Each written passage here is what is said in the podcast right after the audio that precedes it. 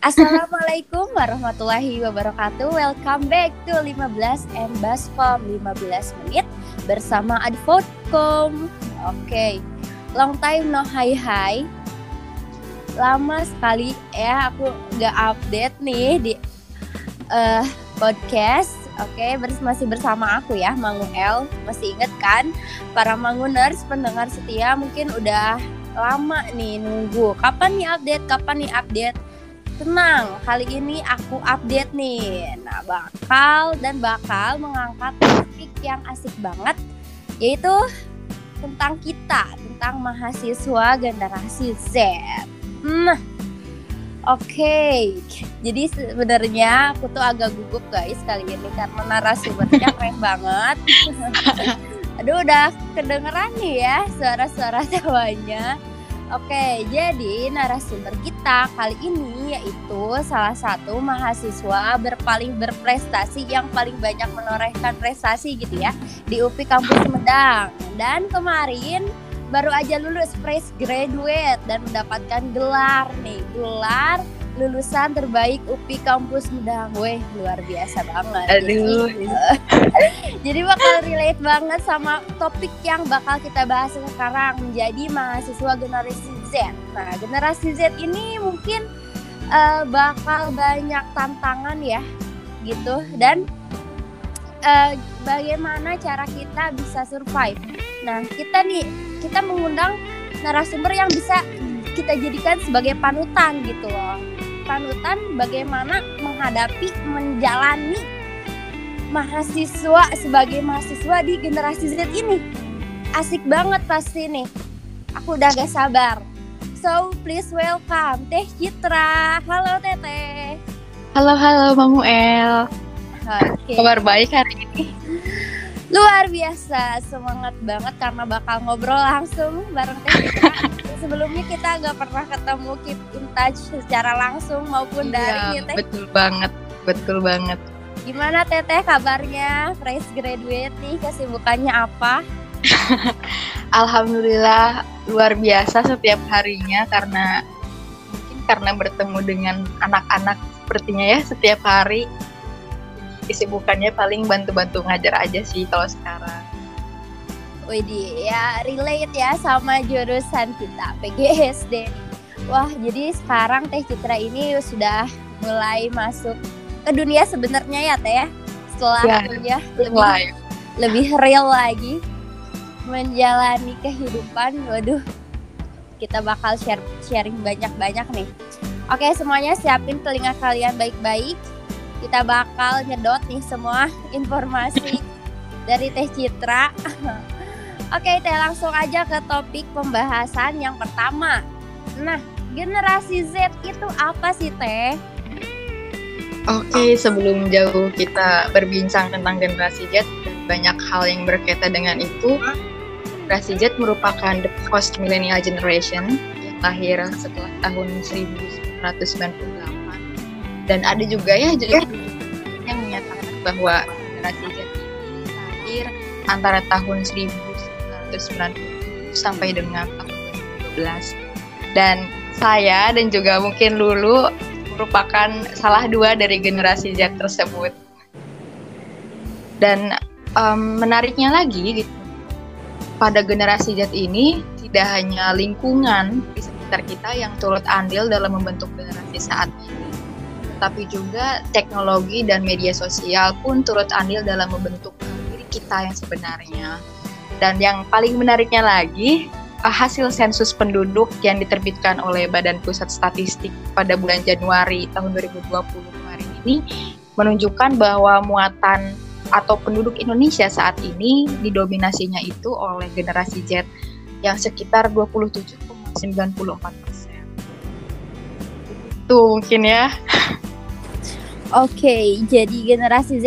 Jadi kita tuh termasuknya generasi Z ya, Teh? Oke. Okay. Oh ya maaf disclaimer dulu sebelumnya di daerah aku nih lagi hujan besar jadi mungkin agak ada suara rintik-rintik hujan merdu gitu ya. So jaga kesehatan lagi musim hujan. Oke, okay, back to aman tapi ini. Aman, aman. Oke. Okay. Jadi kita ini masuk ke generasi Z yang udah lahir dengan berbagai kecepatan informasi dan teknologi ya Teh ya. Oh iya betul betul. Nah, mungkin banyak juga nih tak kita hadapin saat ini Teh. Kalau dari pengalaman Teteh sendiri eh, apa ya tantangan tantangan yang dialami oleh Teteh gitu sebagai mahasiswa generasi Z itu apa Teh? Kalau dari saya pribadi waktu sering ya kita disuruh uh, mencari uh, mendapatkan tugas dan juga mohon maaf maksudnya memperoleh tugas kemudian kita mencari informasi dan limpahan informasi itu itu banyak sekali gitu baik itu dari internet ataupun dari berbagai jenis e-book atau e-journal. Tapi tantangan yang tersendirinya itu dari filtrasi kita memilah dan memilih informasi mana yang relevan dengan uh, topik yang akan kita ambil ataupun uh, sederhananya itu kita menghadapi suatu informasi yang kita skeptis nih kita uh, tantangan tersebut yang menjadikan suatu hal kita semakin mampu untuk memfiltrasi bahwa apakah ini benar atau ataukah ini tidak benar? Iya, jadi di di masa Z ini ya, di generasi Z ini emang kita tuh banyak apa ya, banyak akses gitu mendapatkan informasi. Bahkan informasi yang sebenarnya kita gak pengen tahu tiba-tiba datang sendiri gitu ya, Teh. Nah. Nah, itu bagaimana cara kita menfilter nih informasi yang sebaiknya kita bagikan kembali yang kita pahami yang kita harus pelajari kembali atau informasi yang harus kita hiraukan gitu ya oke okay, terus deh nah eh, karakter generasi Z eh. aku pun baca ya sebelum rekaman ini nih oh, okay. di di beberapa artikel jadi generasi Z ini uh, ada beberapa karakter salah satunya FOMO yang mungkin kemarin tuh di berbagai platform plat, platform di IG IG uh, kekinian gitu loh. Suka bahas soal FOMO fear of missing out. Jadi ke generasi Z ini katanya karakternya tuh takut ketinggalan sesuatu yang kekinian teh gitu. Oh. Kalau menurut Teteh gimana nih karakter okay, generasi dalam... Z itu? Oke, untuk FOMO sendiri aku pun sering dengar tapi baru menyadari bahwa itu tuh ternyata berada di lingkungan kita banget ya gitu. Kayak kalau ada tren ini wajib ikut gitu. Kalau ada tren yang lain kita katakanlah gitu banyak dari platform-platform yang uh, menyebarkan konten-konten. Kemudian kita tuh ada dorongan nih kita harus ikut. Kalau nggak ikut kita nggak update kayak gitu. Dan kebetulan sekali gitu yang saya rasakan sendiri dalam diri saya um, untuk ikut update seperti konten ataupun hal yang lain kalau memang menurut pribadi tidak perlu ya udah nggak usah diikuti jadi yang tadi itu yang kemampuan filtrasi apakah konten tersebut perlu kita ataukah bermanfaatkah untuk kita mm -mm, betul banget perlu ya. ada fondasi di dalam di dalam diri kitanya tuh um, aku nggak boleh nih gitu ke bawa-bawa oleh oleh konten yang lain tetapi tidak selaras sama jati diri aku. Jadi yang paling penting itu kita itu siapa um, dan kita itu ingin menjadi apa dan menerima hal-hal yang memang relevan dengan apa yang akan kita lakukan di masa depan Betul banget ya. Jadi kita tuh harus punya jati diri sama prinsip ya. Jangan sampai ah ini lagi trending nih ikut-ikutan ah taunya hal itu malah menjad, menjadikan kita suatu oh menjadikan kita suatu menjadikan uh, kita ikut ke hal-hal yang negatif gitu sebenarnya tanpa kita sadari gitu ya karena okay, itu uh, fear of missing out itu ya teh ya okay. jangan sampai uh-uh. itu tuh membelenggu diri kita sendiri padahal teknologi yang diciptakan oleh manusia jadi jangan sampai teknologi dan serta konten-kontennya jangan sampai kita mudah terhasut ya. Itu sih teh yang jadi uh, salah satu iya. masalah ya. Betul sekali. Di zaman sekarang tuh mudah terhasut banyak hoax hoax kayak eh, berita tuh dari mancanegara tuh mudah sekali diakses ya. Dan kadang kita tuh gak uh, mikir dulu eh ini tuh berita bener apa enggak? Terus kita langsung ikutan ikut-ikutan gitu. Sulut ya kayak gitu Nah, di era generasi Z ini, di era generasi Z, uh, banyak sekali nih pantangan ya yang tadi uh, mungkin Teteh udah sebutkan juga. Banyaknya peluang juga selain tantangan, banyaknya juga peluang yang menjadikan kita tuh kadang uh, harus dipaksa jadi multitasking dan juga multi talent teh.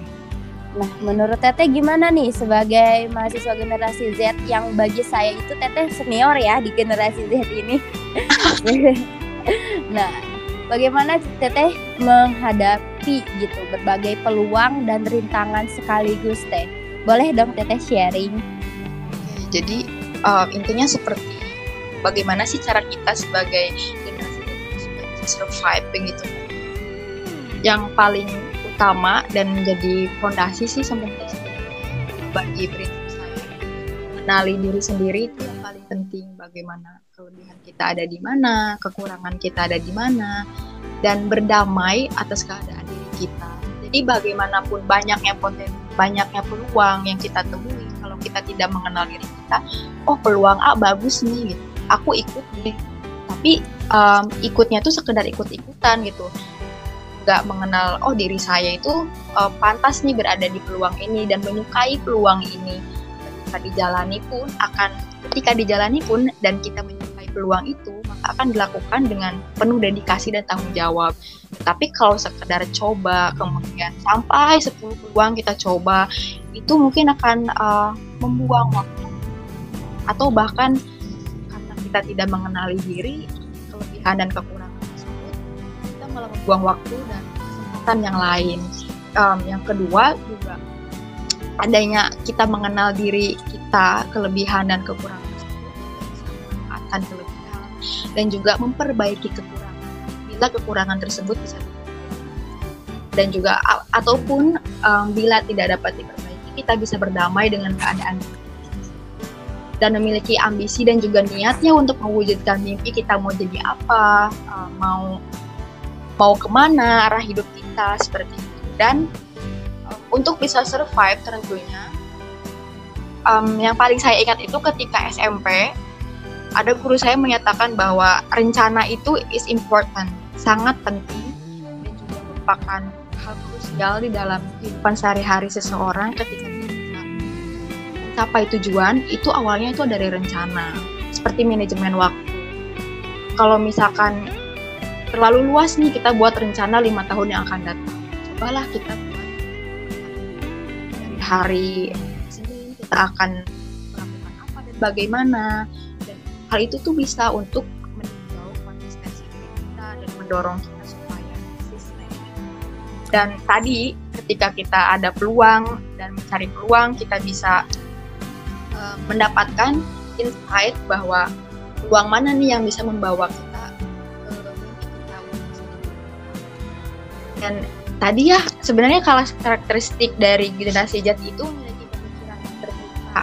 Kalau menurut um, Rian Jenskin memiliki pemikiran yang terbuka dan juga terpapar lebih banyak teknologi dan memiliki keberagaman perilaku, pemikiran dan juga budaya yang dengan kata lain bahwa keragaman tersebut membawa perubahan bagi generasi yang akan selanjutnya. Dan generasi saat ini pun tanpa batas karena banyaknya kolaborasi dan komunikasi yang bisa kita lakukan secara daring juga. Oleh karena itu, um, saya percaya bahwasannya generasi Z ini kan yang terbuka terhadap apa pun baik itu sesuatu yang positif ataupun yang negatif um, itu tergantung dari respon kita masing-masing um, respon kita yang bijak terhadap hal juga um, bagaimana cara sih biar biar kita tuh survive setelah kita berdamai atas diri kita setelah kita bisa uang tapi ketika kita menghadapi kegagalan kita sih yang fungsinya itu tidak pernah putus asa tetapi tidak membatasi diri pada hal-hal yang baru. Coba hal-hal yang um, kita coba apakah akan relevan dengan kita dan tapi bukan berarti bahwa segala hal yang kita terima dari dunia luar itu mentah-mentah kita telan. Di sini kemampuan tadi terhadap uh, lingkungan di luar berperan. Dan menariknya lagi, advice yang saya peroleh ketika wisuda tanggal 13 Oktober kemarin dari Bapak Agung Gumelar, beliau menyampaikan bahwa kunci utama untuk survive di zaman teknologi saat ini ialah kemampuan adaptasi. Adanya arena, situasi, kekinian, kemampuan dan harapan terbesarnya dari generasi terdahulu. Um, kita sebagai generasi dapat beradaptasi dengan situasi saat ini. Yang paling saya ingat um, ketika beliau mengistilahkan bahwasanya keadaan dulu itu sebagaimana yang besar memakan yang kecil. Kalau keadaan saat ini uh, yang cepat mengalahkan yang lambat, yang cepat beradaptasi di berbagai lingkungan dan kondisi yang saat ini. Mungkin seperti itu ya untuk um, cara bagaimana kita survive. Oke, okay, mantap deh. Jadi di era yang banyak peluang ini kembali kepada tujuan kita itu apa? Jangan sampai kita ngambil banyak peluang, eh taunya nggak sesuai nih sama tujuan kita. Jadi jatuhnya kita serakah sendiri dan malah capek sendiri dan malah kayak uh, lari di tempat, capek sendiri. Ya. Padahal kita nggak maju sama sekali karena yang kita jalani fit sama tujuan kita gitu ya teh ya. Oke okay, terus tadi boundary less generation ya teh. Generasi yang minim batasan. Jadi kita tuh uh, harus segala cepet gitu ya. Sekarang harus set set set jangan lama. Cepat beradaptasi ya dengan lingkungan pokoknya. Iya harus cepat beradaptasi. Aduh jadi deg-degan lagi nih karena uh, malam juga habis overthinking nih teh. Aduh nanti lulus aku ngapain ya? Gitu oke okay. apakah bak oh ya kan aku juga teh kemarin tuh aku sedikit sharing ya. Uh, lagi ikut kampus mengajar nih bareng beberapa rekan dari kampus lain ada okay. juga beberapa yang dari uh, keguruan. Mereka tuh ngobrol gini simple sih kayak diawalin eh kayaknya aku gak mau deh jadi guru habis lulus. Kayaknya aku gak cocok deh jadi guru. Terus aku bilang lah kenapa kemarin ngambil kuliah guru gitu kan? Bukannya kamu pengen jadi guru? Enggak sih gak pengen jadi guru. Kayak aku belum siap aja jadi guru. Terus aku jadi kepikiran juga emang aku nanti lulus benar-benar mau jadi guru apakah aku punya tujuan yang lain gitu? Aduh jadi overthinking gitu teh. Oke okay. nah di era ini juga teh aku mengutip beberapa statement dari artikel nggak beberapa sih satu doang kemampuan mengelola, kemampuan mengelola stres dan mencapai gaya hidup sehat semakin menurun di setiap generasi jika fenomena ini berlanjut, maka ke depannya Gen Z akan menjadi generasi yang paling stres sepanjang sejarah. Kondisi ini juga berkaitan dengan karakter Gen Z yang tidak memiliki batasan dengan individu lain sehingga mungkin mereka mudah labil karena menerima terpaan informasi dan kondisi cepat yang cepat berubah dan serba acak. Dikutip dari Astagfirullahaladzim, mana kutipannya? Aku tidak lulus. Mana ayo? Ada ya? Dikutip dari puslitjakdikbud.kemendikbud.go.id gitu ya. Itu dia. Jadi katanya generasi Z ini uh, uh, gampang stres tapi juga udah aware gitu sama yang namanya mental health teh. Nah, Tete kalau misalnya Tete udah burn out banget nih ngejalanin aktivitas Tete kayak udah overthinking gitu teh dan teteh tuh ngapain biasanya? Healing healing atau gimana teh? Kalau aku sendiri um, take a break, kayak istirahat lah dari media sosial atau tutup akun sementara atau juga aku tutup berbagai akun Twitter juga Quora sama kadang WhatsApp juga aku matiin kayak gitu Duh kayaknya pusing banget deh gitu. Aku butuh istirahat dari dunia virtual seperti ini. Aku butuh yang nyata aja. Kayak pergi keluar eksplorasi pergi ke alam juga sih yang paling penting yang aku suka. Dan sebenarnya apa sih yang buat kita bisa kita out atau bahkan overthinking dan cemas? Bahkan bingung gitu. Padahal kita punya rumah segala hal yang membuat diri kita aman gitu. Tapi kita sendiri merasa tidak aman. Saya pikir ketika saya melakukan seperti itu dan cerita ke teman um, kadang teman pun bingung gitu apa advice apa yang harus diberikan kepada saya.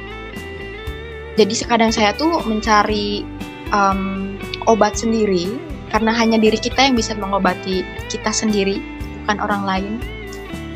Juga um, mungkin kita bisa pergi keluar, bertemu dengan orang-orang, mendengarkan cerita mereka, apakah mereka juga merasakan hal yang sama. Tapi bukan berarti adu nasib ya. Iya teh. Kita mendengarkan cerita mereka, kemudian kita melihat fenomena di lingkungan. Apakah ada yang jauh lebih kurang dari kita atau bahkan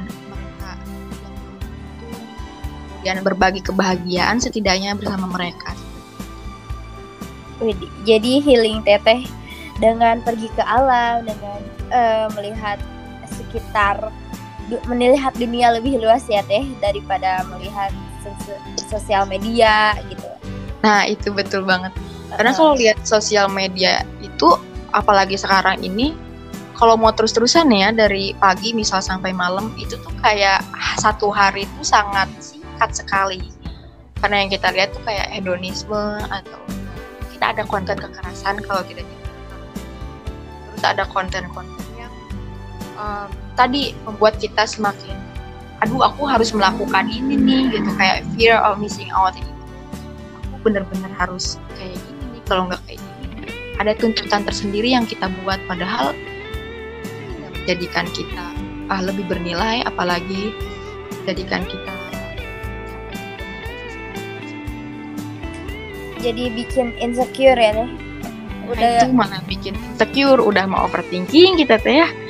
Malah insecure. insecure. Insecure terus anxiety. Pokoknya ya. sekarang lagi banyak istilah-istilah yang kayak gitu ya teh. Terus ya, mm -mm. jadi takut sendiri uh, jadi membandingkan diri kita dengan orang lain Padahal hmm. padahal seharusnya yang dibandingkan oleh kita itu diri kita dan diri kita yang kemarin. Apakah sudah lebih baik atau malah lebih buruk nih? Gitu kan ya? Iya betul. Apakah ada resistensi ada apakah ada progres ataukah kita mau downgrade kan? Iya betul sekali. Nah mungkin uh, pertanyaan-pertanyaan terakhir nih teh gimana teteh gitu.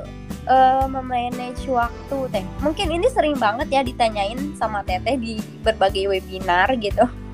Waktu itu juga aku sempat ikut webinar teteh. Bagaimana teh memanage waktu di dalam semua schedule yang teteh punya gitu. Agar gak capek sendiri gitu teh. Dan bisa gitu tujuan teteh itu tercapai pada akhirnya gitu teh. Gimana tuh perlu diketahui bahwasannya terkadang tidak semua tujuan saya tercapai. Karena saya pun dari mungkin dari banyaknya gunung es yang menggambarkan keberhasilan tersebut di bawahnya masih banyak sekali ya uh, kegagalan-kegagalan saya yang tidak bisa tujuan tapi yang paling penting yang bisa kita lakukan yang pertama uh, manajemen waktu. Dan tidak menunda tugas itu atau pekerjaan yang lain dilakukan secara sistem sangat bisa.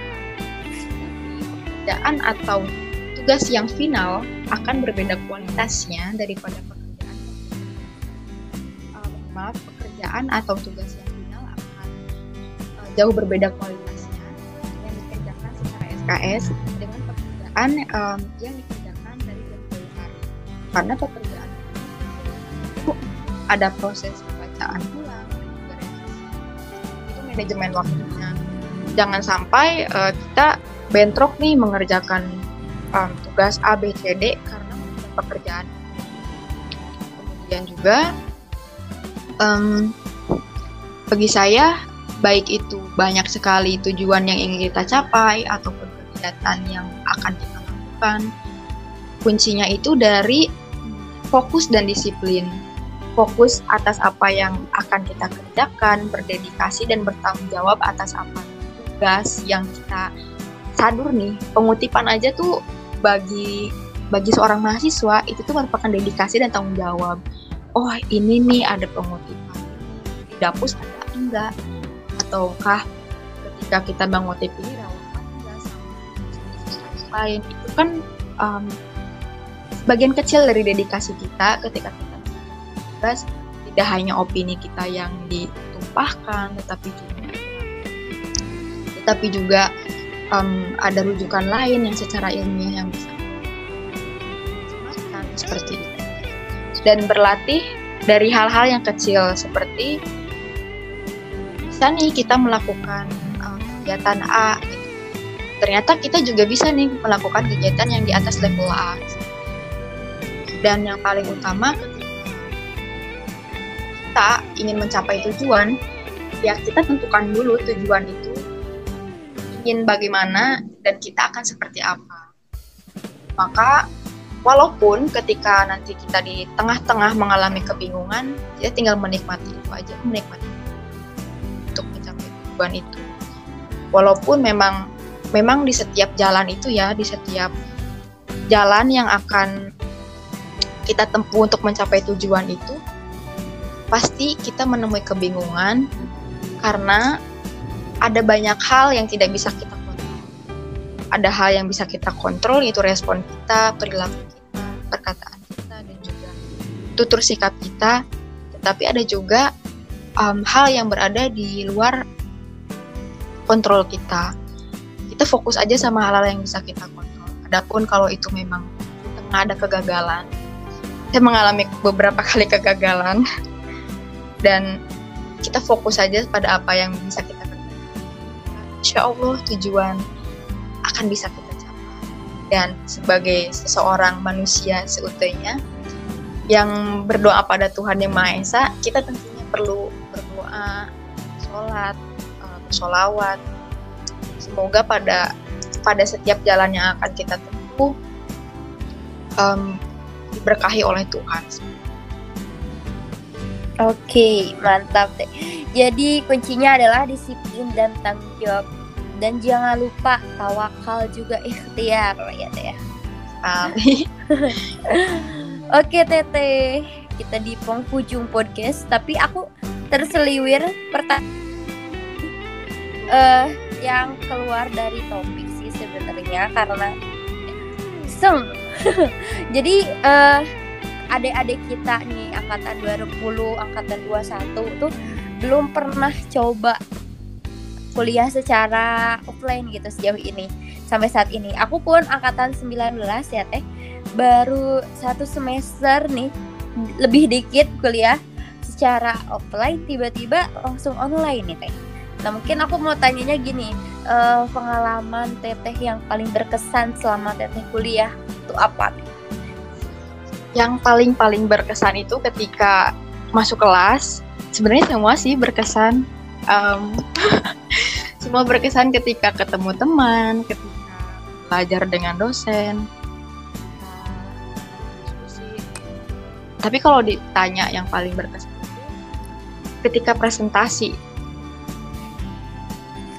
Presentasi ya teh bersama Pak Dadang Pak DJ Pak DJ teh ya semua dosen semuanya buat aku deg-degan dan juga itu yang kayak latihan aja gitu buat wah ini tuh pas sidang skripsi kemarin gitu wah waktu presentasi dari semester 1 sampai semester 7 kemarin tuh berarti gak ada apa-apanya ya dibandingkan dengan deg-degannya kita waktu sidang skripsi gitu. Jadi waktu uh, sidang skripsi itu, oh berarti bener ya ketika kita presentasi di depan, tampil di depan itu ajang latihan. Jadi itu sangat berkesan karena uh, bukan hanya ketika kita di depan ya hasilnya seperti apa, tapi juga prosesnya. Dari mulai kita buat bahan, buat bahan presentasi, dari mulai kita merancang nih kayaknya teman-teman bakal nanya apa nih gitu. Supaya kita tuh nggak terlalu gagap gitu ketika di depan. Apalagi ketika diskusi tentang apa aja sih yang seharusnya kita masukkan ke dalam PPT itu prosesnya cukup panjang dan juga ya dari pemikiran yang beragam dan menghasilkan uh, perwujudan yang konkret untuk ditampilkan ke depan teman-teman uh, ditonton oleh bapak dan ibu dosen sehingga kami mendapatkan feedback balikan sangat positif. Nah itu ya di uh, presentasi ya teh bagi teteh. Nah sekarang tuh uh, beberapa ada yang tingkat kemarin curhat. Katanya teh gimana ya caranya biar berani ngomong gitu pas ditanya dosen atau menanyakan materi yang tidak dipahami? Padahal offline tuh kayak cuma nyalahin mic ya teh. Bahkan di oh, iya, beberapa bahkan bahkan kita bisa off cam beberapa dosen mengizinkan untuk off cam tapi tetap deg-degan. Jadi gimana jadi itu sih teh ya. Kelebihannya offline tuh jadi melatih public speaking juga ya buat nanti skripsi. Oke. Okay. Iya, mungkin kalau uh, mungkin sedikit ya advice buat adik-adik yang tadi katanya takut untuk bertanya dan juga takut takut salah mungkin ya untuk bertanya apakah pertanyaan saya ini relevan atau enggak. Kadang juga saya seperti itu tapi kunci utamanya itu kalau saya setiap mau kuliah besoknya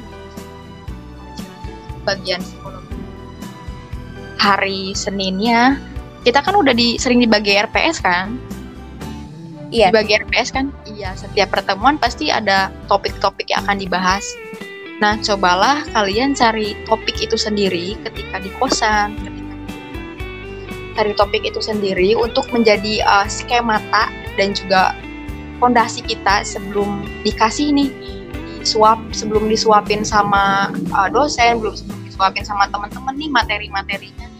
Kita sendiri pun sudah ada nih bayangan-bayangan yang akan dibahas seperti dan ketika nanti uh, teman-teman uh, akan presentasi ataupun kita bisa bertanya kepada teman-teman yang presentasi ataupun kepada dosen itu lahir dari murni dari rasa penasaran kita terhadap apa yang kita temukan sebelumnya ataupun apa yang kita temukan ketika kelas dimulai. Jadi mulai dari cobalah membaca untuk mencari dan menemukan sesuatu insight yang baru seperti itu atau bahkan ketika kita bisa ketika kita sebelumnya membaca dan juga um, mencari pengetahuan yang relevan dengan materi yang akan dibahas ketika di kelas ada yang bertanya kemudian pak dosen dan ibu dosen memberikan um, kesempatan untuk kita menjawab Nah, kita tuh bisa ngacung uh, izin menjawab atau menambahkan Pak uh, dalam pandangan saya seperti ini karena yang saya temukan